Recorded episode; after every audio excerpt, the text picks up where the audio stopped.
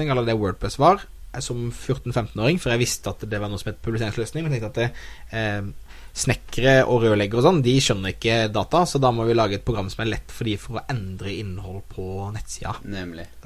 Så jeg begynte litt sånn smått med det. Eh, men så var det ikke før da jeg flytta til Kristiansand, eh, når jeg var sånn eh, 16-17 ish, Mm. eh, at jeg da gikk fra å være litt sånn Selv om jeg likte starting, men jeg likte å holde meg litt i bakgrunnen, til å bli sånn en sånn kjekk, selvsikker fyr som jeg er i dag. Eh, med all ydmykhet, selvfølgelig. Selvfølgelig. Eh, for da begynte jeg å jobbe i bar. Ja. Først som ryddegutt. Eh, der jeg ble utrolig fascinert av eh, bartenderen sitt forhold til kunden sin. Ja. Og det er egentlig det som har blitt basis for all kommunikasjon jeg jobber med nå. Jobber med de samme prinsippene som jeg lærte da. Mm. Eh, for jeg så hvordan du skal på en måte få folk til å føle seg bra, komfortabel. Mye av det dere jobber med dere også, egentlig, på Mm. samme måten. Mm. Men jeg så liksom at eh, en bartender som er flink, han klarer å få kunden til å slappe av, eh, føle seg som en helt og liksom eh, utvikle seg. Ehm, så, så så jeg også det at bartendere som var flinke, tjente jævlig mye spenn. De Mm. fikk mye tips. Og jeg lærte meg da at det, det var to typer tips. Den som lå på disken, som alle delte mellom seg. Og så var det den man fikk i handa. Som Som du da du fikk, Ja. tok på lomma for å være ekstra flink. Ja. Så begynte jeg liksom å studere hva er det som gjør at du får tips i lomma. Og, og, og ok, hva er liksom elementene? Begynte på en måte å analysere meg fram. Så når jeg var gammel nok til å da begynne å tappe øl, Ja. så hadde jeg lært meg navnet til alle stamgjestene. Jeg visste liksom hva eh, kona het, elskerinna, kompisgjengen, når han pleide å komme, hva han pleide å drikke. Og så lærte jeg de opp til at hvis de da betalte meg De tipsa meg når kvelden begynte, Mm. Bare en liten 200-300-lapp i, i lomma eller annet sånt, så var de konger resten av kvelden. De fikk før alle i baren. De visste nøyaktig hva de ville ha. Jeg high fiva dem når de kom og gikk, liksom. Og det gikk så langt, eh, eller så drøyt etter hvert, altså at eh, til og med da servitørene som jobba der, fikk prosenter av min tips hvis de da behandla mine kunders bord før andre. Og det var ca. da, da etter hvert, da hadde holdt på med det en stund. Og jeg kunne, jeg, gått, jeg kunne gå hjem med 4000-6000 kroner i tips hver kveld. Wow. Fordi at det ble så organisert, ikke sant. Da fant jeg ut at ok, jeg, har, jeg har skjønt et eller annet her, men jeg tror jeg kan bruke det på en mye bedre måte enn å høsle for småpenger i en Ja. shady bar. Mm. Eh, så da eh, sparte jeg opp nok penger til å starte mitt første AS. Mm. Eh, sammen med en partner, og så da var vi en av de som lagde en Norges første mobilbloggløsning. Ok. Eh, og da brukte jeg kjendiser veldig sånn kynisk for å eh, Mobilbloggløsning, ja. altså i 2000 og ingenting. 2004-5-ish, kanskje. Hvor du da blogga fra Mobiltelefonen. mobiltelefon uten smartphone. Eh, ja, ja, ja. Det var MMS-blogging. Wow. Eh, og da, det som var morsomt, at jeg, det var jeg som, det var jeg som koda det sjøl. Og det eneste måten jeg kunne gjøre det på på den gamle dager, det var å teste det manuelt. Så jeg sendte 1200 MMS den helga jeg lagde det systemet. ja, fordi du koda, og så måtte du sende for å teste. Ja, og så måtte jeg se hva feilmeldingene var. Og så, så det var liksom Det var jævlig hassle, da. Men så da plutselig begynte jeg å jobbe med, med, med kjendiser som Tone Damli Aaberge og Maria Mena og Alando Fuentes og Kurt Ja. Nilsen og alle disse her. Mm. Som gjorde at det da vi fikk masse oppmerksomhet rundt vår tjeneste. Så vokste. Jeg lærte masse eh, på det. Og så har jeg på en måte da funnet ut at eh, Da lærte jeg såpass mye om, om merkevarebygging ut ifra det. For det, det som er tryggest for meg, er at jeg sjøl personlig er et stort merkenavn istedenfor bare selskapene mine. Mm. Eh, for det at det da, hvis jeg mister en jobb, eller hvis noe går gærent, så kan likevel på en måte min tribe, da, for Ja. å bruke Seth Godin sin eh, definisjon av på en måte et, et community Ja, ja. rundt det, Ja. eh, som eh, er klar til å hjelpe deg videre til neste utfordring. Bedrift eller eh, Bedrift eller prosjekt, whatever, ja. Så da begynte jeg å eh, Da er jeg en av de første som Altså, dette er jo Facebook. Kommer jo 2004-2005. Ja, 2007 begynte det å komme i Norge okay. ordentlig. Ja. Så det var før den tiden. Så det å fortelle hva du het på internett, var jo galskap, egentlig. Ja. Da blei du jo liksom Da blei du rana og kom i fengsel, liksom. Ja. Det var jo helt galskap. Men da begynte jeg å si Da kjøpte jeg thomasmoen.com. Begynte å vise bilde av meg sjæl, og liksom Nei, jeg, jeg kan litt om blogging, og jeg mener dette, liksom. Ja. Og det, det var så tidlig at alle begynte å gi oppmerksomhet Bare det i seg selv var liksom edgy. ja, det var super-edgy. Det var Ja. super crazy, liksom. Ja. Så da fikk jeg blant annet vært med da altså Jeg holdt eh, kurs om blogging til Steinar Olsen i Stormberg før han begynte å blogge. Okay. Eh, og begynte da å råde i bedrifter og holde Og foredrag. Stormberg de har gjort det dritbra med det. De har gjort det veldig, veldig bra.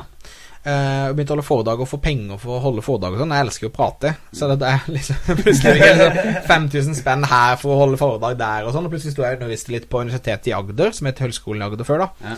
Og det også, da var jeg 24 år gammel, uten, uten utdannelse, og sto liksom og underviste for en klasse. Det var utrolig sært, egentlig.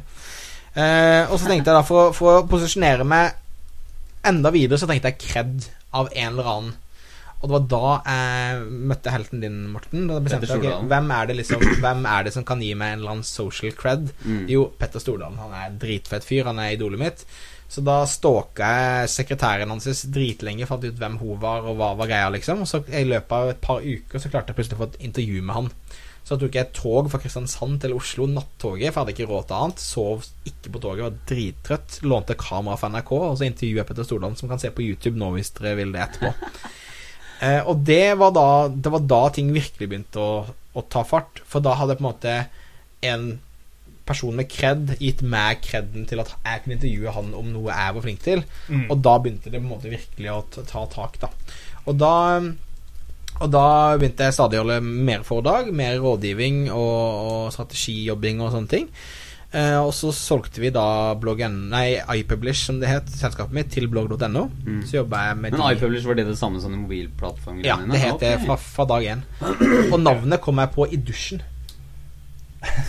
Jeg bare Genialt Genialt Det må Og det husker jeg det er så, Jeg husker det, det må bare noen ha brukt, tenker jeg. Og så var det noe som het iPublish.no som hadde gått konkurs for et år siden. Ja. Eh, Så jeg kjøpte det for 500 spenn svart av han fyren som, eh, som hadde drevet det før, da. Ehm, men så etter da så jobber jeg jobber med blogg.no og vært med å utvikle produktene sine, hvordan de skal jobbe med blogger og tjene penger på blogging. Mm.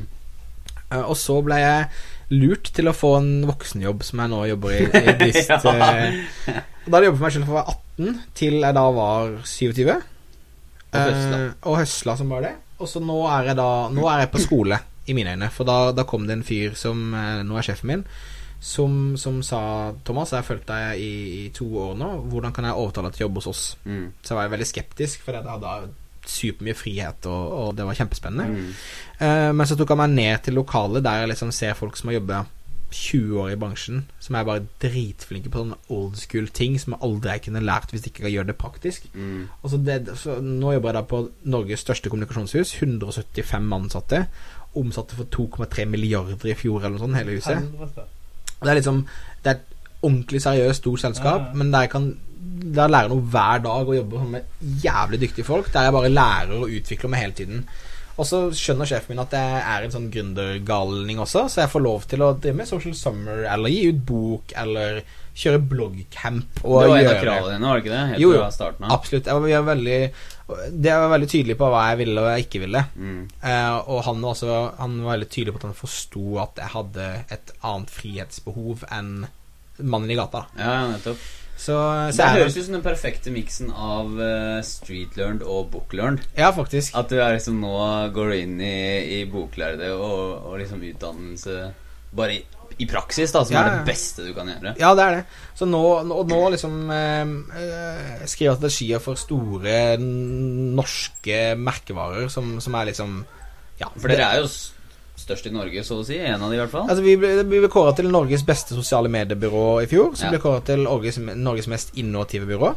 Og vi jobber med Burger King, Tine, Matprat, eh, eh, Peppers Pizza eh, Ja, jobber med, masse forskjellige kunder. Røde Kors. Altså, vi jobber med, med masse. Mm. Og Der vi jobber med å komme på eh, sprø ideer som funker, og strategier for kundene våre. Samtidig som du fortsatt eh, bygger uh, branding av deg selv, Ja. da. Og, og det som er bra, er at min jobb får, får eh, dra nytte av min, min cred. Ja. Og jeg kan dra nytte av de sin kred. Så vi bygger jo Så du hverandre kan hele ja. tiden. Ja. Ehm, for de, de er jo et veldig kjent, stort, anerkjent selskap, så Mm. da liksom vi hjelper hverandre begge veier hele tiden. Mm. Men de fleste, altså alle mine kunder, alle mine leads til nye kunder, kommer via bloggen min og Mm. Ja. Twitter-kontoen min. Nettopp. Så jeg, jeg, jeg går aldri ut i selgende møter, sånn som andre konsulenter gjør. Nei. Kundene kommer til meg og sier 'Hei, Thomas, kan du hjelpe oss med dette?' Eh, så for meg så er det en veldig sånn behagelig måte Approach, approach. Og det handler om at jeg har gitt så mye verdi. Ja. Altså, jeg har Sofaprat, for eksempel, er en ukentlig videopodkast som jeg har gitt ut i tre og et halvt år nå. Mm. én video hver uke. 20 minutter var jeg, der vi gir gratis eh, råd hele tiden. Og liksom har blogga siden 2004. Og jeg, alle studenter som kontakter meg, har jeg møte med rundt bacheloroppgaver og masteroppgaver. Jeg har Sånn som Nå er det høysesong for det, så nå har jeg tre-fire intervjuer i uka med studenter som trenger å få hjelp til oppgavene sine. Oh, ja. Fordi de skriver om sosiale medier, liksom? Ja. Og også, holder også foredrag gratis for skoler. Så jeg gjør masse for å gi tilbake hele tiden. Ja. Og det gjør at jeg får masse tilbake Mm. på den måten. Mm. Og um, altså, jeg tenker på alle studenter osv. De er jo fremtidens enten kunder Mm. eller kollegaer Mm. for meg. Så jo mer jeg gir tilbake til folk nå, jo flere folk vet hvem jeg er når de er klare til å gå ut i arbeidslivet. Spot on. Altså, du har en evne til å se på en måte det større perspektivet. Litt, litt lengre. Og Langsiktig, ja. det er en forskjell mellom eh, Ja, langsiktig. Ja, det er en forskjell også mellom eh, vinn-vinn og vinn-tap. For hvis man hele tida tenker at man skal vinne her og nå, så er det fort gjort at eh, man drar, ta, altså, utnytter andre mennesker. Ja. Mens hvis man tenker at ok, jeg kan gjerne vinne nå, så lenge den andre personen også vinner, Mm. Da er det bærekraftig. Altså. Ja, det er det. tror jeg er liksom noe Jeg, legger merke til når du forteller historien, så går det igjen, da. Hele veien. Også med bartendergreiene dine og sånn også, at du liksom finner ut hvordan kan du få de til å føle seg viktig Ja. her og nå, ikke sant? Ja. Føle seg som en helt, som du sa. Det er det, det, det det jeg hele tiden jobber for. At jeg har lyst til at de jeg er i nærheten av, skal føle seg som, som helter. Mm. Eh, og det er da folk eh, har det bra, men det er folk også gir tilbake. Mm. Eh, og det handler om å, å gi og ta hele tiden på en, Mm. sånn, en god, god måte. Så um, mange som ikke ser eh, det, er, det er mange som ikke f.eks. har de en eh, Ok, det er kanskje et dårlig eksempel. Hvis noen har en idé, så vil de kanskje fortelle det videre fordi de ønsker å måte, ha det for seg selv. Men er, noen ganger så ser jeg det mindsettet hvor mennesker som um, ja, som jeg sier, da, tenker kortsiktig og tenker at ok, jeg skal ha, de andre skal ikke ha. Hvis noen andre har klarer det eller får suksess uten at jeg gjør det, Altså at det er en sånn konkurranse, negativ konkurranse istedenfor at det er at det fungerer sånn at ok, andre trenger ikke å tape for at jeg skal vinne. Ja. Vi kan vinne alle sammen, mest Ja. sannsynlig. Så hvis andre vinner, så hjelper det meg å vinne mer. Altså, Ja. Jeg tenker sånn når du gir ut en bok, Ja. så tenker jeg ok, da, da får vi kanskje Det er flere seere på Hakslett, da. Ja. Eller hvis du skjønner hva jeg mener. Jeg tenker ikke at du skriver bok, jeg skriver ikke bok. Og så Nei, det der, og den, den negative eh, De følelsene der, de, de, de bare tapper flere ressurser fra deg, og så får man gjort mindre, og så får man bidratt mindre, og så går man i en sånn negativ sirkel, og så blir det ikke noe av Jeg diskuterte faktisk noe av dette med på, på bussen fra, til Skøyen sofaparty i stad, med han eh, Ja. Stian Hybner, som har hjulpet oss i to år å filme gratis. Som, Sweet. som han har liksom kommet Herregud. hver uke og filma og det er publisert. Ja, han er dritflink proff. Han leier ut utstyr, han selger tjenestene sine. Eh, og han spurte meg om å hjelpe med noen bloggegreier. Jeg bare sånn Null stress, Done. Ja. John, og vi hjelper hverandre hele tiden. Ja. Eh, og vi liksom diskuterte det at det, vi blir flinkere og flinkere til å ta og ekskludere bort de som ikke gir deg noe, eller de som tapper deg for energi, på samme yeah. måte om det er business eller privat. ikke sant? Og så er man flinke til å ha rundt seg de folkene som gir tilbake, og som ikke stiller spørsmål, men liksom er bare sånn Lett når? Hvor lenge? Når trenger du meg, liksom? Altså, jeg tror det handler om at eh, er man så åpen, eh, så får man tilbake. Du har jo en teori på akkurat det der om, som med vampyrgreiene. Med å drepe vampyrene i deg. Drepe vampyrene. Drepe vampyrene i deg. Ja. Og drepe vampyrene rundt deg også. Altså, det her med at du har vampyrer i livet. Du har mennesker, eller du har hendelser som suger energien ut Ja, av deg. ja, ja. Og så lenge du kverker de vampyrene i livet ditt på en eller annen måte, Ja. så fjern, stripper du bort mye av det som, som gjør at du ikke kan utfolde deg og gi tilbake og gi til andre mennesker. ja, jeg er helt enig. Det er det som suger for deg. Ja, det er, altså, er det ikke bare Jo, mennesker er én ting, og det er vanskelig å på en måte skal jeg si, gjøre det slutt med venner. Men til syvende og sist, hvis man skal gå rundt og please alle andre, så er det som om at man uh, mister sin egen Altså Da pleaser man ikke seg selv. Da går man rundt og pleaser alle andre. Og hvis ikke man pleaser seg selv, så blir man ikke det beste potensialet og den beste gaven man kan være å gi Ja. til andre mennesker. Og da blir det jo ikke å please andre mennesker allikevel, fordi du, fordi du gjør det en bjørntjeneste. Ikke sant? Ja, det gjør det. Gå utover deg sjæl. Er enig. Og så er det, som du sier, de vampyrgreiene der er spot on. Altså. Og, og Ikke bare menneskene, men også hendelsene. Ja. Hvilke hendelser, eh, hvilke vaner eh, i livet ditt er det som tapper energi, tapper ressurser fra deg. Det der er gull, ass. Ja. Du, men det virker som du har hatt det Jeg veit ikke, men det virker som du har hatt den driven her. Jeg sitter og hører på historien din, så tenker jeg ok, det her er en dreven fyr. No doubt about it. Men Hva tror du det kommer av Hvor er det driven din kommer fra? En fyr som sitter hjemme og hører på nå, som, som kanskje sitter i sofaen og føler at han har prøvd, men han har ikke klart det, og så har han mista motivasjon, og så blir han sittende. Hva er det Hva har fått deg til å bare fortsette? Det som er veldig sært med meg, da, altså, jeg vet ikke, det, det er at um, Litt sånn som jeg løper også. Altså, motgang, vanskelighet til å motivere meg. Eh, sånn som når jeg var eh, ganske kort tid etter at jeg startet mitt første selskap, Mm. så gikk jeg heidundrende konkurs. Skikkelig, skikkelig på trynet. Jeg måtte selge hus og bil på trynet, liksom. Okay. Eh, men motivert som faen. Bare jobbe målbevisst. Bare én takling av gangen, liksom. Ja. Og samme når jeg løper miler, for eksempel, så er det sånn greit, nå er jeg sliten, men hvert jævla steg jeg tar, er jo for fuck's sake and win. Du er jo nærmere målet for hvert steg du tar. Og så lenge For min, min filosofi er så lenge winning, ja, det er, det, det er det som skjer i huet mitt. Jeg er bare sånn Yes, yes, yes, yes, yes. um, så det, det er liksom jeg tror er en viktig mentalitet. For, for, for meg så motiverer virkelig motgang meg. Mm. eh, på alle måter, liksom. Uh, og så har jeg den tanken at eh, eh, hvis jeg er trøtt og må jobbe, eller hvis jeg har det kjipt og må jobbe, så tenker jeg at eh, hvis jeg jobber For eksempel, i går så jobba jeg fra klokka sju om morgenen. Mm. Var hjemme for å jobbe klokken halv elleve på kvelden. Mm.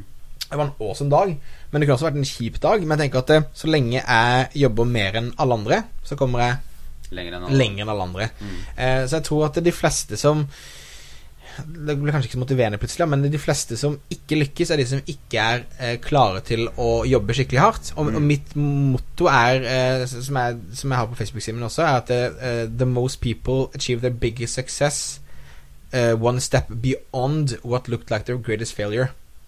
Så det vil si at det, de som Yep. biter tennene sammen og går de tre og en halv ekstra milene etter den ekstra mila man eh, har tatt, Yep. det er de som vinner, på en måte. Ja, helt. Eh, For meg så jeg, jeg, jeg, pleier å kalle det noe av det samme at dine største suksesser ligger alltid bak dine største frykter. Ja, ikke sant?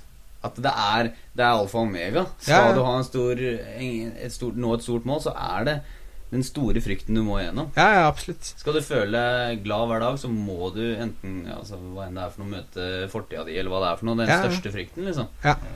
Så får du så stor selv selvrespekt av det også. Ja, absolutt. Det tror jeg Så det blir en sånn positiv loop. Så hver gang du overvinner en frykt, så får du en ny bevisning for deg sjøl. Ja, ja. Faen, jeg er jo en konge. Sånn som, sånn som Altså- når jeg da hadde fått til mitt første selskap, da, så husker jeg at det da var da rundt Kvartfestivalen og Hovfestivalen i konkurs første gang. Mm. Og da tenkte jeg, ok, hva kan jeg gjøre nå? Jo, jeg lager en festival. Da lagde jeg en bloggfestival på to måneder der jeg fikk 150 bloggere ned til Sørlandet en hel helg. VG Wow. som hovedsponsor. Livestream 6000 som står på i løpet av eh, helgen. 18 nasjonale avisoppslag. Altså Det var full guffe. Gjort på to måneder. Og det eneste jeg visste, var at det, det her vet jeg faen ikke hvordan jeg skal gjøre, men jeg skal faen meg klare det. Yes. For da var, jeg, da var jeg liksom Ok, Thomas, kan du klare dette, så kan du klare fuckings alt. Eh, og andre året igjen så jævlig på trynet. Ja. Eh, og sånn skikkelig på trynet. Men da jeg nå i år, for et par uker siden, så hadde jeg det igjen. Men da hadde jeg det i Oslo litt fintuna. Så at det Ok. Ikke vær redd for å gå på trynet, skal jeg si. Ja, helt enig. Og, og, og, og da, da vet du at ikke det funker. Da tweaker du litt, og så prøver du igjen. Mm. Hele tiden. Ja, for det er sånn, og så er det forskjellige tider, det er forskjellige trender også som spiller inn som Altså, som jeg sier, eksterne faktorer, da. Det er ikke alt som er innafor din kontroll. Nei, nei. Og det som ikke er innafor din kontroll, er heller ikke din trenger heller ikke å være din bekymring. Nei. Altså, Det er så enkelt som det. Og Ja, ja. det, det lille som er innafor din kontroll, det kan du faktisk gjøre noe med, og det gjør du noe med. Ja. Og så er det da f.eks. framtida, fortida, hva andre mennesker gjør, andre mennesker mener, eh, været Ja. Alt sånt her, det er jo utafor din kontroll. Ja. Mm. Eh, om du da eh, Da må du bare legge forutsetningene for at det fra din side går så bra som det hodet kan. Og så må du stole på at resten Ja, ja. Og det ordner Og seg. så får jeg litt sånn Jeg får sånn feeling av at eh, Eller det som du sier nå, da, er jo essensielt at du gjør ting som andre ikke er villige til å gjøre. Ikke sant? Ja. Og det, det er ganske kult, fordi han Vegard Skrede Mm. han, eh, jeg- vi lagde, han lagde Han dro ut fra Han har skrevet en plan Han, en pl han, han skal jo bli artist. Han skal leve som artist. Ferdig snakka. Og så skriver han en plan. Hvordan kan jeg oppnå leve som artist? Og så bryter han det ned og setter opp mål og sånn. Så er det han har en toukersplan med ting han skal ta handling på, som er da utenfor hans komfortsone, i vekstsona hans. Ting som ikke han har gjort før. Ting som folk ikke er villige til å gjøre. Ja, Ikke sant? Og en av de er å gå ut fra dør til dør. Jeg så den videoen, den er fantastisk. Okay, det er kult? Han går, han går seriøst fra dør til Han banker, han banker på dør på dør eller konsert, det er dritfett. Ja. Det er utrolig respekt Og tenk, altså bare en sånn reaksjon som du hadde nå, Ja, det er jo den reaksjonen som folk har når de ser på det. Selvfølgelig får han fans av det. ja, ja. Det er jo Det er helt åpenbart, og det er en ting som Noen ganger så står den eh, La meg kalle den suksessoppskriften står så klart skrevet rett foran trynet ditt, ja. ja. men, no, men, men allikevel så gjør man det ikke. Du er redd for å være flau i ti minutter, Ja. eller hva om de ikke liker meg, eller whatever, liksom. Ja, men det Og han, apropos det der failure-greiene og det bloggcamp-greiene som du sa, også, han gikk ut i parken også Ja. og holdt, uh, gjorde det samme med folk som satt i parken. Ja. Og det det syntes han var helt jævlig, og han hadde dårlig stemme den dagen. Og det var kleint, og det var Ja. han gikk hjem med senka huet. Det var helt jævlig. Og det første han sier når han kommer hjem på møtet dagen etter, er at det var det verste ever. Så det må jeg forte meg å gjøre igjen. Ja, men, det er den, den innstillingen han skal ha, da. Det er riktig. er jeg er er kaller det for eventyr. Altså du, Ja. Når du går ut på et eventyr Ja. Når du går ut der på byen eller går i parken Han vet da faen hva som kommer til å skje, men noe kommer til å skje. Ja. Han kommer til å møte mennesker. Og med en gang du, er, altså en gang du kontakter mennesker, og du, du setter deg sjøl eh, Hva heter det når du blogg, for eksempel, du presenterer deg sjøl ja. for mennesker Mm. og bare viser ansiktet ditt på en eller annen måte, Mm. så kan det skje hva som helst. Mm. Han fikk to spillejobber på den der dør-til-dør-konserten. Han gjorde det? To spillejobber. ene var på denne Holmenkollen-stafetten, Ok. som en sånn spontan innslag, for han syntes det var så kul. Ja, ja. Selv om programmet var fullt. Ja. Og eh, det andre var en 60-årsdag til noen gamle damer. Drit! Som han skal spille på snart. Eller noe. og, og, så, og så hadde han Han fant noen eh, gamle 60-åringer. Og de, han ene det skrev han jo om. Hun ene var jo super Kaiser-fan, og han covra Ja. Kaiser-sanger blant annet den dagen. Ja. Og ikke bare superfan, men det var liksom number one fan som ble med på alle konsertene, og Kaiser-folka visste hvem hun var. Det var liksom ikke måte på. Ja. Og, og ikke nok med det, men når han går, så liksom De, de lar den ikke gå før de har gitt den penger. Money, Ja, ja. liksom. Så det er jo Det er, det, det er å steppe ut, det. Og høsle, Ja, ja, ja. rett og Ja, det er høsling. Ja. Stor høsling. Superhøsling. Og det er stikk motsatt. der. Altså han, Istedenfor å prøve å komme inn og uh, prøve å selge uh, sin tjeneste til noen, så har han bare gitt masse verdi og prøvd å skape et eventyr for noen mennesker. Og Mm. de vil gi kaste penger på han Mm. Ja. for å kunne gi verdi tilbake igjen. Mm. Og jeg er helt sikker på om fem, fem, fem år, eller når han forstått sånn som det der Ja. Hvis han fortsetter sånn, så er det jo ikke noe Da er det som altså, Det er akkurat som Har du et mål, eh, og så bryter du ned til hvordan du kan nå det. Det er mange måter til målet, men eh, det du kan gjøre, er å implementere én og én vane. Som da etter hvert går på autopilot. For eksempel eh, Hvis du, jeg ganske om som skal ha kroppen til Ryan Reynolds, da skal jeg Da skal jeg trene, da skal jeg trene eh, så og så mange Da skal jeg trene så og så mange ganger i uka.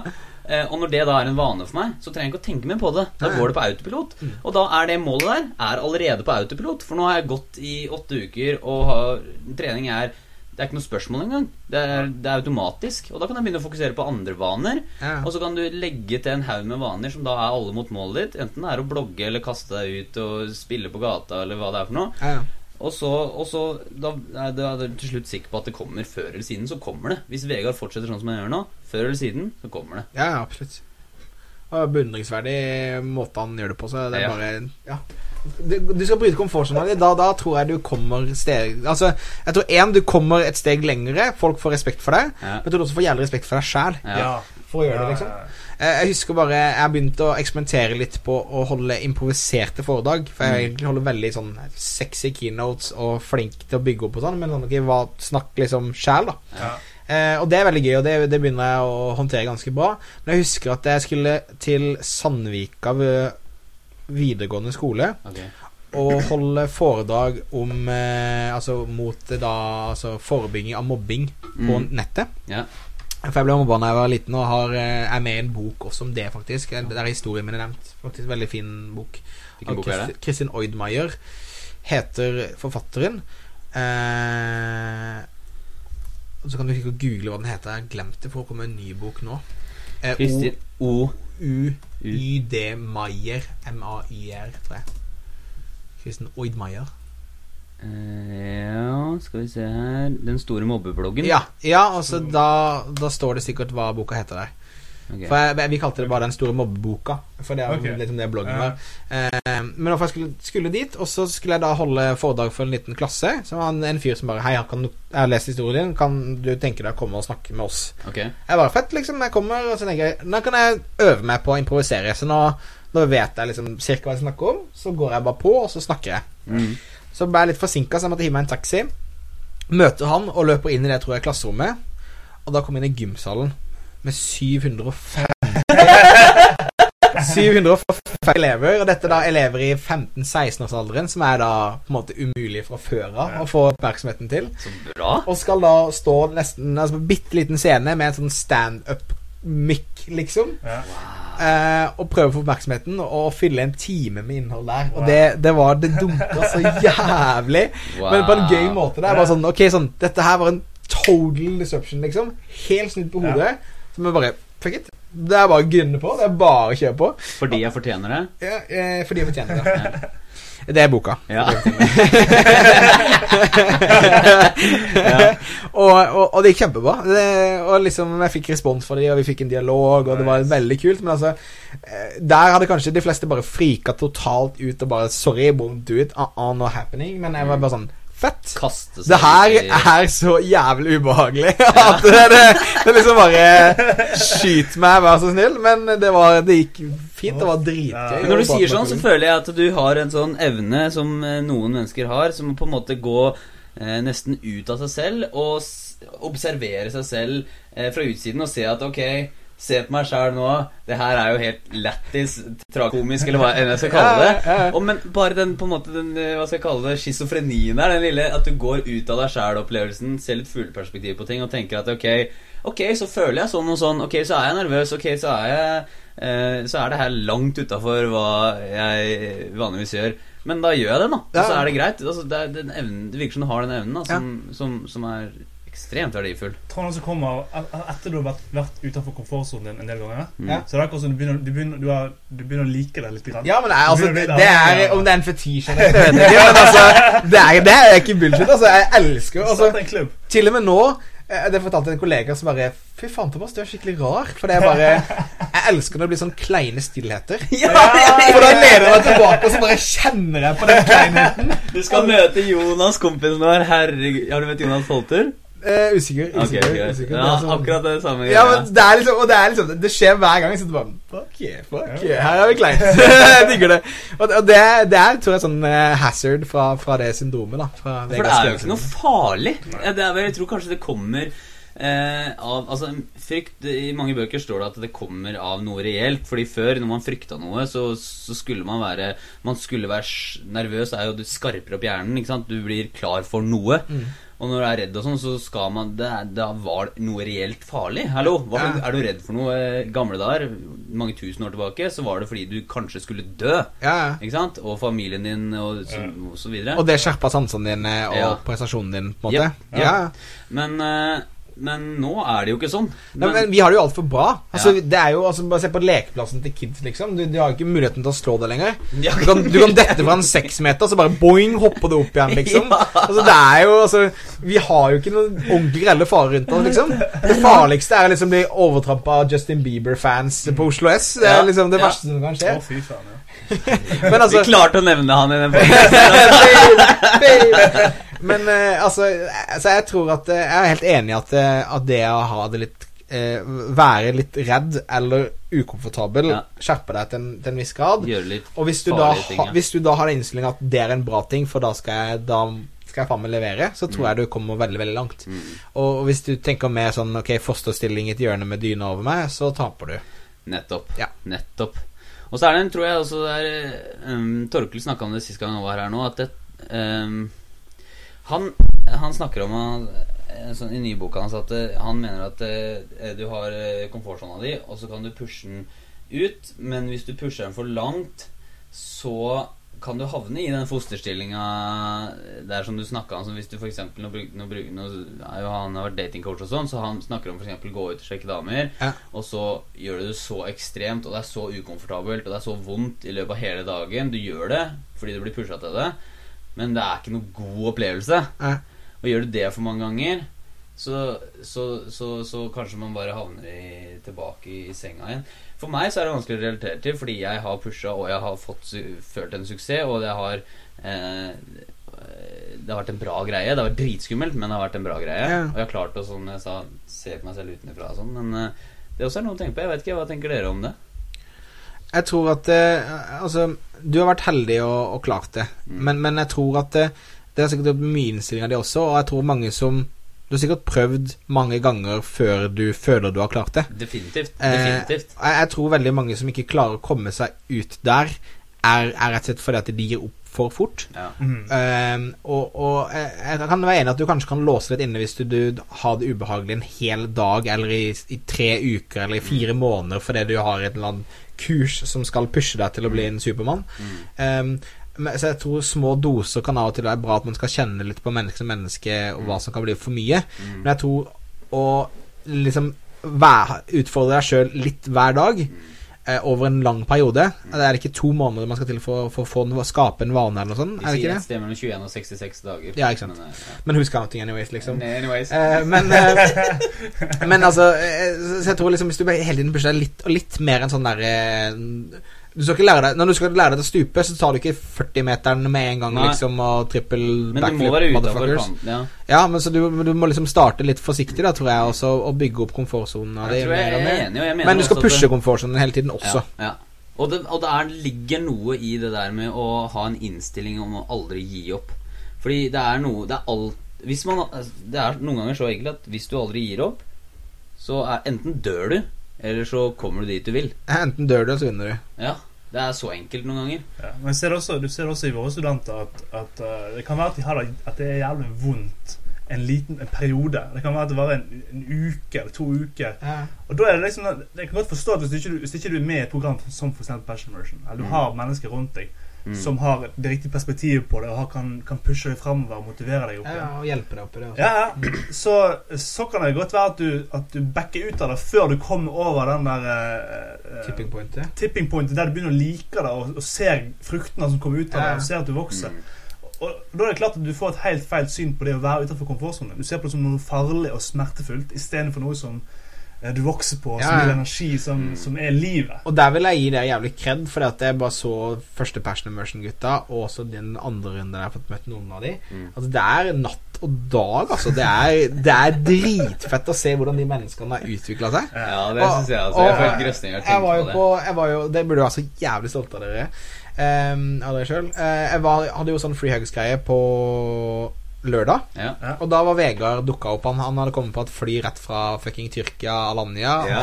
og, og så han gått rett til klemmegreia. Kult. Forhåpentligvis tok han en dusj, det er jeg litt usikker på. Men, eh, men, fall, men, men bare når jeg skulle klemme Vegard sånn hei, velkommen, ikke sant Mm.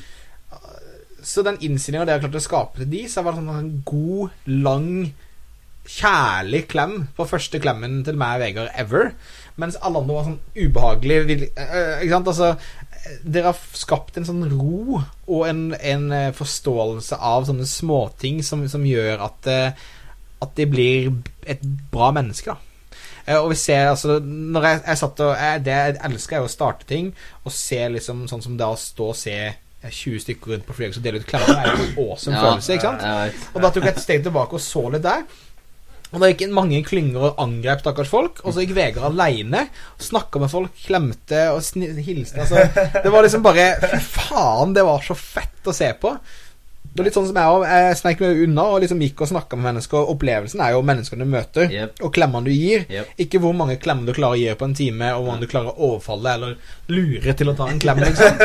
Det handler om at det skal være liksom en sånn byttehandel av kjærlighet, Ja, eller en connection, om du vil. Eh, og, og det var veldig kult å se at det er i han, og det føler jeg var så forandra for første gang jeg møtte han. Ja. Og samme som Navid og alle hele resten av den racing er liksom blitt um, Det er, der, ja, det er noe med den der kjerneselvtilliten som kommer fram, som egentlig alltid har vært der, Ja, men som Og det her er egentlig noe som Du gir jo oss creds for det, og takk for det, men eh, det er gutta sjæl som har uh, Ja, ja. steppa opp her. Altså. Absolutt, og det som er- kan forandre dem, og det er de som har gjort det sjæl, selv om vi har kanskje inspirert og gjort alt vi kan for å hjelpe Ja, dem, ja, ja. selvfølgelig. Men uh, det som du ser så ofte, er at det, det går fra en person som det er litt vanskelig å på en måte komme inn på, knytte seg med lett, og en Ja. person som det er, Du bare føler at det, du, det, det er litt utfordrende å være i samme rom eller henge med den personen, fordi Ja. du føler at det er noe off. Det er litt slitsomt. Litt slitsomt. Men Ja. så, og så går det til at det, det viser seg at ok, de har bygd opp et eller annet slags skall rundt seg, en eller annen mur foran seg, et eller annet slags beskyttelsesnett Mm. for å ikke la noen ja, såre seg, avvise seg, hva enn det er for noe som de frykter, da, som er helt naturlig. Ja, ja. Så merker du at eh, gjennom den selvaksepten og gjennom den de aha-opplevelsene, gjennom å pushe komforten sin, gjennom å se at de er verdt, ikke bare verdt noe, men at de eh, får tillit til sine egne evner, da ja. så, så, så bam, så bryter de ned Ja, den, eh, den, den der veggen der, og de bare er nakne for verden. Og bare 'her er jeg, ta meg for den jeg er'. Ja. Og det jeg føler jeg ser inni de, da, og ser i meg og dere også, det er en slags indre ro og Kall det en slags selvkontroll, da, eller en sånn Mm. en Jeg vet hvem jeg er, jeg vet hva jeg står for, jeg vet hvor jeg skal henne. Mm. Og det er når du har den roen der, det er da jeg tror du virkelig kan på en måte gjøre helt amazing stuff, da. yep. Yep. Helt enig. Det er derfor vi har workshopen vi har til helga. Vi Ja. skal ha Core Conference Workshop. Perfekt transition. There you go. Da sjekker jeg det av. Si det. Det sto i manus, ja. Stemmer. Ja, men altså, vi skal ha eh, Det er verdt å nevne, altså, fordi nå har vi Det er det vi sitter og bruker all tida vår for på for tiden. Ja. Og det er en, det vi kaller en Core Conference Workshop, som er bare fordi Core Conference høres mye kulere ut enn kjerneselvtillit, så har vi gjort det på engelsk. Call conference. Vi har, så mange Vi må jobbe med engelsk-norsk-greiene våre, så det funker ikke. Men uh, uansett, uh, vi skal ha en workshop i helga hvor vi da jobber med akkurat det som vi snakka om nå. Ja. Uh, og rett og slett prelle av det skal for folk og la de være komfortable med seg selv Ja, i enhver situasjon. Og det dreier seg ikke om eh, nødvendigvis å være selvsikker i enhver situasjon når du skal Sånn som du sa, at du eh, skulle på scenen foran 750 stykker. Kanskje du ikke er mest confident på hva du skal si, og hva du skal gjøre, men du er i hvert fall komfortabel med deg selv. Du veit at i worst case scenario så har du deg sjæl å feste med. Ja. Altså, skjønner du? Ja, ja, men- det. Ja, og det er det som vi skal Det er det vi har eh, Vi har planlagt det villeste programmet, og vi har eh, masse folk som har meldt seg på nå. Og det blir helt sinnssykt hvor vi skal da ha eh, altså to timer praksis for hver time teori. Sånn at ikke det bare blir Kult. plapre, plapre, men det blir aha-opplevelse, implementering. Aha-opplevelse, implementering. Så det blir Fett. dritfett. Ja. Ja, men det er cool. For de som er interessert i det, gå inn på selvtillit at nei, dot mortenhake.com. Det er fett. Ja. Bare i forhold til den selvtillitsgreia du, du sa, så hadde jeg en sånn en em, Det er veldig lett på internett å skape det jeg kaller glansbildeversjonen av seg selv. Yes. Mm. Eh, og eh, tidlig i min karriere, om du vil, og i min personlige merkevare, Mm. så, så gikk jeg klassisk felle som alle gjør. Mm. Jeg så ut som fucking Supermann på internett. Ikke Ja, det gjorde jeg også. Eh, alt jeg skrev, alle bilder av meg Untagga var- bilder husker jeg gjorde. Jeg Ja, ja. Bilder på Facebook. Alt var liksom Oh. så regissert, da. Ja. At eh, jeg begynte å føle det ukult når jeg skulle møte folk som bare kjente meg fra nettet. Mm. For det var så langt fra det som Forventningene, ja. Du er redd for å bli busta, ikke sant? Ja, ikke sant? Oh. Eh, men, ja, men, men Og det begynte jeg å jobbe Jeg med for, altså. For mange år siden, godt. heldigvis. da Men, men så nå Så jeg vet jeg har dobbelthake, jeg vet at jeg har litt for mange kilo. Men ikke sant, altså bildegreiene Jeg driter i det. Jeg syns det er morsomt å ha stygge bilder av seg på nett, liksom. Du Ja. kommer til å være det uansett. Eh, altså all, alle de feilene jeg var redd for å vi, vise før, da. Mm. Og også da om meningene mine. Før så mente jeg hva alle andre sa, men nå sier jeg at det der er fuckings bullshit. Det der er jeg uenig i. Altså, du får, altså når, du, når du klarer da å your digital self med deg sjøl Ja, eh, Og det tror jeg også for mange da kommer også leserne. Ja, ja, Da ja. kommer Da også- kommer du strømme, Ja. ikke sant? Transparency. Eh, men jeg tror også mange, la oss si, usikre mennesker, da Mm. Jeg tror jeg har lett for å bygge opp en bedre versjon av seg sjøl på nettet, som også gjør det vanskelig for de å komme ut der etterpå. Mm. Så, så, så jobb med å liksom finne den balansen av hvem du vil være, og hvem du er. Mm. For du skal hele, hele tiden måtte strebe litt etter å bli bedre enn det du er egentlig hele tiden. Men ikke la det liksom gå for crazy langt, da. Ja, men det er det å kunne, å kunne akseptere den du er nå, og være Ja, ja. stolt av den, samtidig som du ønsker å kommer videre. Ja, ja, absolutt. Den kombinasjonen der. Ja. Og det, vi ser jo veldig mye i, i personlig utvikling. At folk, eh, ikke bare på nett, men også i det virkelige liv, setter opp en maske. Ja, Og prøver å dekke over sine usikkerheter. Og Mm. har problemer med å le av seg sjøl og være selvironisk. måte. Ja, ja. Og alt det her eh, Det er på en måte som du prøver å skjule kortene dine. Ja. Du prøver å holde kortene litt for deg sjøl. ja. Mm. Og når du er der, så klarer du aldri å utvikle deg. Nei, nei, nei, absolutt ikke. Og noen som helst Og hvem har lyst til å spille med noen som sitter sånn her, liksom? Nei, nettopp. Pokerface? Ja, ja. Ja, men jeg er helt enig. Eh, og Jeg er husker i starten av, eh, starten av bloggkarrieren min, så hadde jeg fake navn. Jeg hadde Hva var det? eh, Hva var det? Det- Hva var det? Hva var det? Jævla, come on! Bare gjør det. Kom igjen! Vis deg. Du kan ikke du kan, vi korta deg, da. Sånn, nå sa jeg det. Hva sa du? Icon. Icon? Icon. Icon. Hva det beste icon? Ah, det er skikkelig flau, ass. Nå ringte det på, heldigvis. Icon? Ja, det var en, det var en, det de største, det, største, det største som forandra det meste for meg, det var Ja. den dagen jeg bare sa til folk at «Hei, vet du hva, her er kortene mine. Ja. Jeg var i Danmark. Jeg løy i to måneder Ja. om hvem jeg var. Jeg sa alt, alle de comfort-pushene jeg hadde gjort. Ja. Gjort du gjort noe? Du har juksa? Ja. alle de jentene jeg hadde sjekka opp, alle de, der- alle de festene jeg hadde back home. Ja, Som egentlig bare var datamaskinen min og CS-spillet. ja, ja. Uh, så det Jeg elsker å se hvor jævlig flau jeg ble av det. Nei, så, så, så det gjennombruddet å kunne si at uh, her, Hei, her er jeg. her er meg 100 Ja. Gråter meg. ja. Eh, jeg har ikke hatt så mange venner i livet mitt. Alt det der. Og, men det var stort. for Det var, som det, det var en kjempelettelse. Og plutselig så Ja. kunne jeg være meg selv. Og det som var magisk med det, var at jeg kunne connecte så mye mer med alle rundt meg. Snakker du om posten, eller? Noensinne. Nei, ja, det var en annen ting igjen. Ja. Å, fy faen. Å, fy, fy faen. Det var jo, Jeg hadde jo den bloggen min som blei mer og mer populær, og Ja. så om- Icon? Ja. greit, greit. Ferdig. Het bloggen din? Bare- bare- Morten Hake. Jeg kan Vet du hva, Jeg må få mortenhake.no, altså. Fordi Er den eier jeg, men jeg bruker den ikke. Nei. Uansett, eh, jo, så sa jeg til Knut at du burde jo skrive din historie og ditt navn og offentliggjøre din reise innenfor det her å bli flinkere med damer. Så sa jeg lett. Ja, Ingen problem. ingen problem. Og så, og så Nei, altså, så skrev han, da. Altså, først var det, først var det liksom Ja, det skal jeg gjøre. Og så skriver han posten. Og så når han skriver posten, så liksom ringer han meg på Skype, og sånn, han satt nede i Danmark. Og så er det liksom øh, For helt Og så når vi skulle poste posten Ja. Det er det morsomme, Fordi da sitter jeg, skal vi poste posten, da, og han får bare helt latteranfall. Nervøst sammenbrudd. Ja. Altså helt nervøst sammenbrudd. Totalt rød i trynet. Altså, tårer i øynene, Ja. latter, nervøst sammenbrudd. Og bare med sine 95 kilos muskler klarer å holde meg unna PC-en. Og uansett hva jeg prøver på, så får jeg ikke posta den. Og det gikk flere dager før vi faktisk posta den. Ja. Og når vi posta den, selvfølgelig Fordi han skrev jo sin ærlige historie Ja. og var gjennomsiktig. Og når vi da først posta den, så fikk han selvfølgelig massevis av god respons. Ja, ja, ja. Og siden den gang, så ringte, folk som eh, Ja. hadde grått, og folk som var ikke måte på. Mm. Ja, ja. Hvor langt folk hadde gått og, for, og sendte meg brev for å connecte meg. Og det var ikke det var fantastisk. Helt fantastisk. Ja, Litt av den samme Da er vi ferdig. ok. Så bra. Fantastisk.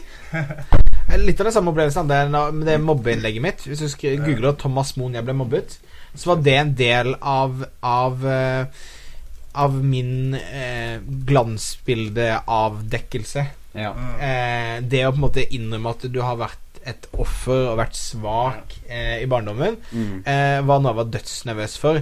Og da hadde jeg ikke kjent på de følelsene siden sjette klasse, liksom. Mm. Eh, og da på samme måte som det, så når jeg da delte det, delte på min blogg først, og så Mm. kom den ut i boka, Mm. så fikk jeg bare så mye tilbakemeldinger positivt. Ja, det er gjorde meg 50 kommentarer her. ja, ikke sant, Det er gamle, gamle dager. Jeg husker ikke Mm. når jeg ble posta. Men altså så, og, og jeg fikk det, det, det vakreste med det da var at først og fremst at det var veldig mange som kom for at jeg også blitt mobba, og, og tørte å stå fram.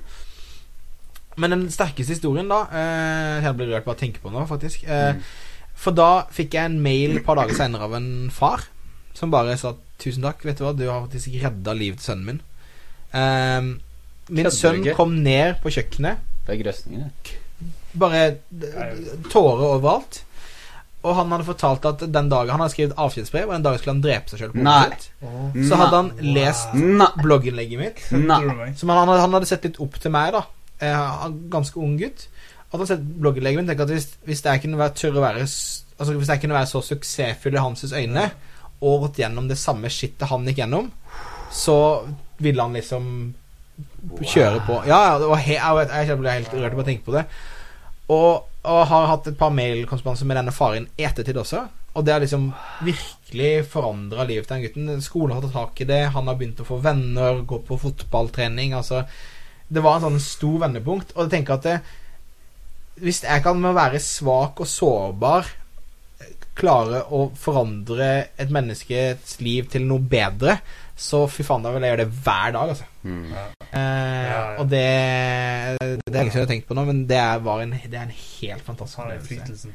Ja, det er eh, Det er det, helt Det å være deg sjøl. Altså, Ja, ja. at Du skal vise deg Ikke sant? Og bare det å tørre å være sårbar er sterkt, da. Sånn Mm. som deg også med å skrive og vise til hele ditt nettverk at uh, hei, jeg jeg er ukomfortabel med visse ting og har jobba med meg sjøl, har levd Mm. og, og Mm. Det er jo Ja, det er kjempebra. lurer på hvor, hvor den derre Hvor den eh, sammenhengen mellom sårbar og svak, når den kom. For det er jo, har jo egentlig ikke noen sammenheng i det hele tatt. For å vise sårbar Det er jo en styrke. Det er, du er modig Ja, hvis du tør å gjøre det. Ja. Du er ikke tøff, men du er modig. ja. Altså Hvis du skjønner forskjellen Mm. Hvis du bruker tøff og modig på den måten, da. Jeg tror det handler om, det handler, om- altså, det handler om å eie det. Ja. Og eie sine usikkerheter. Ja. På en måte eie sine sårbarheter. Tør, Ja. Det er det du gjør i det øyeblikket du tør å vise ditt kort og være deg sjøl. Mm. ja, for ingen kan komme up in your face-måte. Det, det er det mest si fantastiske av alt sammen jeg opplevde der, det var at det var ingen som noen kom og si til meg noe som helst lenger. Nei. Aldri mer. Nei. For jeg ville bare si jepp. Det er so what. Det er, jeg kan ikke, det er selvfølgelig. Sånn som Arnold Schwarzenegger, hva er det han sier? Ja, De prøvde å buste han på at han spilte i pornofilmer eller sånt. Ja. Han sier, han og du kan ikke være politiker, og du har jo røykt hasj, og du har jo Han bare Yeah, so what? ja, men det er jo Det er der du kan være, da. Det er jo fantastisk. Det er helt amazing. Du har spilt i pornofilm! Ja. Yep. Good times. Good times. Men, men det, jeg pleier å si til Jeg pleier å si i uh, Passion Immersion, og vi repeterer om igjen om igjen, om igjen det der med at når du, når du sjøl tør å være fri nok og, og det er jo det det handler om når du viser ditt, ditt sanne jeg, eller, eller når du bryter komfortsonen og gjør det du har lyst til, uavhengig av hva andre mener. Ja. Når du tør å være fri, så er det akkurat som andre på en måte tør å slippe litt seg sjøl også. ja. Ja. Sånn som, sånn som han der, som du forandra livet hans fullstendig for han så at det var mulig, at du var fri sjøl til å kunne være sårbar og vise at det er mulig likevel. Ja, ja. Og, og når Vegard går ut i parken og, og spiller, eller banker på døren, og, og sånn, så er det mennesker der inne som sitter og aldri ville turt noe sånt i hele sitt liv, men der og da så er de bare er connection der som de aldri Ja. ville fått av det. Ja, ja, Et ja. eventyr som de aldri ville fått av det. ja. Det går så langt som å si at eh, hvis man på en måte hører det her og forstår det her, Ja. så ok, hvis man kan ha den impacten som du hadde på han kiden, da er, går det så langt som at ok, da skylder du verden å gjøre det, og være ærlig. Ja. For da tydeligvis så har det en effekt utover i universet. At du gjør det, så kommer andre til å gjøre det som påvirker verden positivt. Og hvis ikke du gjør det, ja, da påvirker du verden negativt. Da. Det er ikke noe det er en enten-eller der, på en måte. Ja. Ikke sant? Og, og, og, og da føler jeg såpass at ok, hvis du bor i Norges rikeste land, har muligheten til å sitte på PC og høre på det som vi sier noen få ha-opplevelser, eller høre noen si det, eller i det hele tatt ta oppleve noe En ny tanke. Premiere på tanke, på en måte. Ja. Så, så, så skylder du verden å implementere det, og faktisk være ærlig. ja Du har ikke noe annet Det er ikke noe annen vei. Nei, ingen, ingen no excuses, liksom. Nei, Ja. Nei jeg er helt enig. Eh, absolutt. Jeg jobba Mitt eh, ord for 2011 var ærlighet. Mm. For det er så utrolig mye hvite løgner og skit og sånn der ute som skaper problemer i huet ditt. For, Mm. for liksom, du har dårlig samvittighet, og du er redd for å bli tatt. Og litt sånn som du når du da på dette kurset var den perfekte fyren som fikk masse nu- nummer og fester hjemme og alt mulig. Altså, når du først tør å være ærlig for deg sjøl, på samme måte som med Maria, så, så, så, så vinner du så jævlig på det. Og det har jeg merka i fjor. Hadde noen utrolig kleine, ubehagelige situasjoner, og, og til og med mista et par eh, som jeg så på som venner, fordi Mm. at jeg har vært ærlig mot dem. Men, men jeg har kommet så mye bedre ut av det og fått Mm. så mange flere gode mennesker rundt meg fordi at jeg tør å være ærlig mot, Mm. mot det på, på alle måter. da Og det du sa i stad om at eh, du, du så, Tidligere så hadde du så lett for å liksom føye deg til andres meninger og sånn, Mm. og så kom det til et punkt hvor at det, hallo, Det der stemmer jo ikke. Eller det der er jo helt idiotisk. Ja. Eller hva den er for noe. Det, det har Det der er rett og slett et bilde på karakter. Det er liksom Det er bilde på at du er en, en solid, maskulin, attraktiv mann.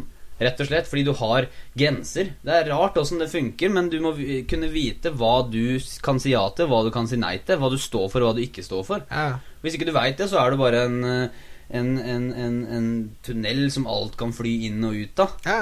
Så jeg tror også folk er mer usikre på det når de ikke mm. Altså De veit ikke hvor du har det. Nei, nei, for, det, for det, det kan jeg sammenligne mot barneoppdagelse. Jeg er jo en kid på åtte år. Ja. Og hele tiden under hans barndom så har jeg vært veldig fokusert på tydelige grenser. Hvor går grensene mine? Hva er Mm. lov, Ja. hva er ikke lov? Ja, ja. Og det gjorde at han var så trygg, avslappa og, og awesome med meg. Fordi at han visste nøyaktig hva han hadde med. Mm. Og det tror jeg kan se på med menneskene rundt oss også. Hvis du vet hva jeg sier ja til, og hva jeg ikke sier ja til, og hvorfor jeg sier ja til ting, så blir du trygg på meg, og så får vi Mm. et helt annet forhold. Mm. Så det å grensesette seg sjøl tror jeg også er alfa og omega. Alfa og omega, og det gjelder også kjærester eh, i forhold og sånn også. Ja, ja. Hvis du kommer inn i et forhold, og så gir du deg ut for å være noe, og så finner du senere ut at du ikke er det allikevel, men du bare var det da fordi du føya deg hennes vei, og så føyer du den kompisens vei en annen gang. Så, Jeg liker egentlig ikke Justin Bieber. jeg. Jeg liker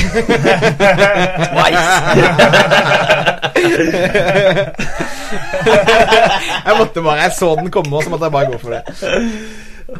så, så at på en måte de der som har en, en kjæreste, vet kjæresten din hvor hun eller han har deg? Ja. Eller vet ikke det? Har, har, du, har du faste meninger og faste eh, rammer på livet ditt, og hva du tolererer og hva du ikke tar imot, på en måte, eller har Ja. du ikke det? Ja. Hva, altså, ikke bare sånn hva du tolererer og sier nei til, men også hva du tar til deg og aksepterer. Er du en, har du en verdi om å se på det beste i alt, så skal du faen meg se på det beste i alt. Du skal ikke eh, Altså, da skal du gjøre ditt beste. Hvis du har en verdi om at du skal gi verdi, så gi verdi. Ikke bare gå rundt og si at du skal gi verdi, på en måte. Jeg kjenner så mange som Eller nå kjenner jeg ikke mange lenger, men jeg har kjent mange som bare føyer seg for alt sammen. Og det som jeg føler, er at når jeg er sammen med de så ok, kanskje vet ikke hvor jeg har de, kanskje de er underholdende å være sammen og sånn, men når de er ikke sammen med de, for alt jeg vet, så baksnakker de meg. Det kan ikke jeg vite, fordi når de er sammen med meg, så er de på en måte i min verden, men så merker jeg at når de er sammen med noen helt andre, så så, så jeg husker også da jeg var yngre og sånn, da hadde jeg venner som hang kanskje med en annen eh, person, og så møtte jeg de i byen eller noe sånt, og så var det helt annerledes. De var Ja. helt annerledes når de møtte meg.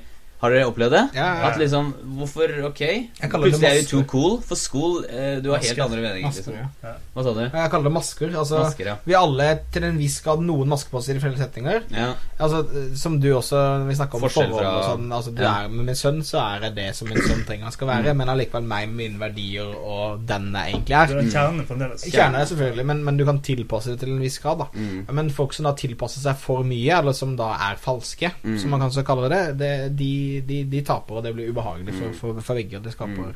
konflikter. No det er skummelt, da. Det er veldig skummelt å droppe den masken. Ja, ja, det er det dritskummelt. Fordi når du har på masken, så alle avvisninger alle ting som kommer mot deg, det er på en måte ikke rett i deg, i din kjerne, at det er du som på en Nei, måte nei, det feiler. er, nei, ikke sant? Det er masken som feiler. Jeg Ja. gikk rundt i, i København med, med, med, med Ga meg ut for den historien at jeg hadde bodd i Afrika. Det var ikke måte på. det, det, at, det, det at du ikke kan lure mennesker til å, til å forelske seg i deg, det, det, det er tull. Du kan, du kan du, men, men ikke over lang tid. Nei, nei, Eh, absolutt Og det er det som feiler. Ja. Men det, det som jeg gjorde, var at jeg, jeg, jeg begrensa meg sjøl i forhold til at jeg ville ikke droppe masken for at jeg ville ikke ha det vonde. Jeg vil ikke bli avvist for den jeg var. Jeg vil ikke at eh, jeg skulle feile for den 100 den jeg er. Jeg vil på en måte holde den masken sånn at jeg hadde det forsvaret mitt der. Ja, ja. Veggen.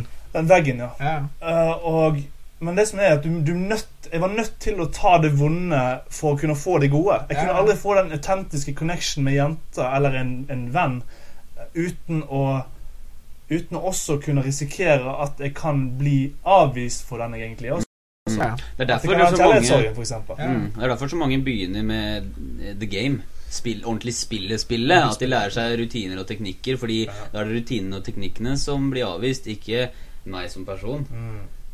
Men ikke sant, da kommer du bare så langt. Men, ja, men det- Da kommer det- du så langt at du klarer Ja, å fake den i fem minutter, døren, altså. du du luk, du luk, hvis du lukker den døren for smerten, på en måte, Mm. for, for å kunne bli eh, For å miste noen, eller for å Mm. bli avvist for den du Mm. egentlig er, så, Mm. så lukker du også den døren for å få den ekte Ja. Connection med den ekte kjærligheten Ja. med de menneskene. Det verste er jo når du blir ekspert på å fake. Uh. Etter hvert, hvis du bare bygger opp og bygger opp og bygger opp og bygger opp du blir så sjukt aleine av det. Du blir ja, Ja. ensom, ja. ja, ja. Og, så, og, så, og så gir du deg ut for å være den en, en helt annen person enn den du egentlig er. Så, er det, så, så finner du til slutt at du kjenner ingen. På en måte Ingen kjenner deg, i hvert fall. Mm. Mm. Fuck yeah! Jeg tror vi skal ende på en high note der. En tankevekker. Det har vært en eh, fantastisk bra podkast. Ja. Utrolig kult. Deilig. Jeg gleder meg til i morgen. Vi har ja. committa til å løpe en fuckings mil som jeg aldri har løpt før. Halv syv. Ja. Halv sju på morgenen. Ja. Åh! Oppe i Sankthanshaugen. Ja, ja. Sweet. Eller vi kan si syv, da. Nei, halv, halv syv. Vi kan si halv syv. Det har jo ikke altså, syv eller halv syv. 150 gode meter. ja, du bare ja, da, takk, da, takk. Så er det med på Du løper ikke rundt på veien, du løper i parken. Ja, rundt og rundt, bare i parken. I parken. ja. Siste spørsmål. Mm. Er du med på Justin Bieber-konsert etterpå? Du kødder nå? Jeg kødder, jeg kødder. jeg kødder Jeg var der. Du var bare Jeg var to forskjellige Jeg bare Kødder du? Jeg bare, Fantastisk. nice, nice. All right. Tre ganger. Ok, eh, hvis Nei, sånn siste avsluttende eh, Thomas Moen på Twitter, Morten Hake på Twitter, Knut PI på Twitter. Gå inn eh, også hvis man har lyst til å skrive om noe som vi har sagt her, eller whatever, så er det hashtag hakeslepp. Eh, gå inn på facebook.com slash hakeslepp og lik podkasten. Hvis du liker den, gå inn på iTunes og søk på hakeslepp og abonner osv. osv. Er det noe du har lyst til å shoute, som det heter? Boka til Thomas kommer ut om to uker, i hvert fall. Ja, bloggboken.no. Bloggboka.no. Bloggboken.no. Bloggen. Deilig å ha dere hørende på oss. Vi elsker dere mer enn alt. Jeg kjenner at eh, min kjærlighet til lytterne er Myk. mykt. Kjærleik. Mindre, hva er det dere pleier å gjøre? Mindre enn tre? Ja, det er det her. Min to. Min edre. Det er kjærlighet. det er det, det er det. All right. True story. Ha det! Ha det. Hey.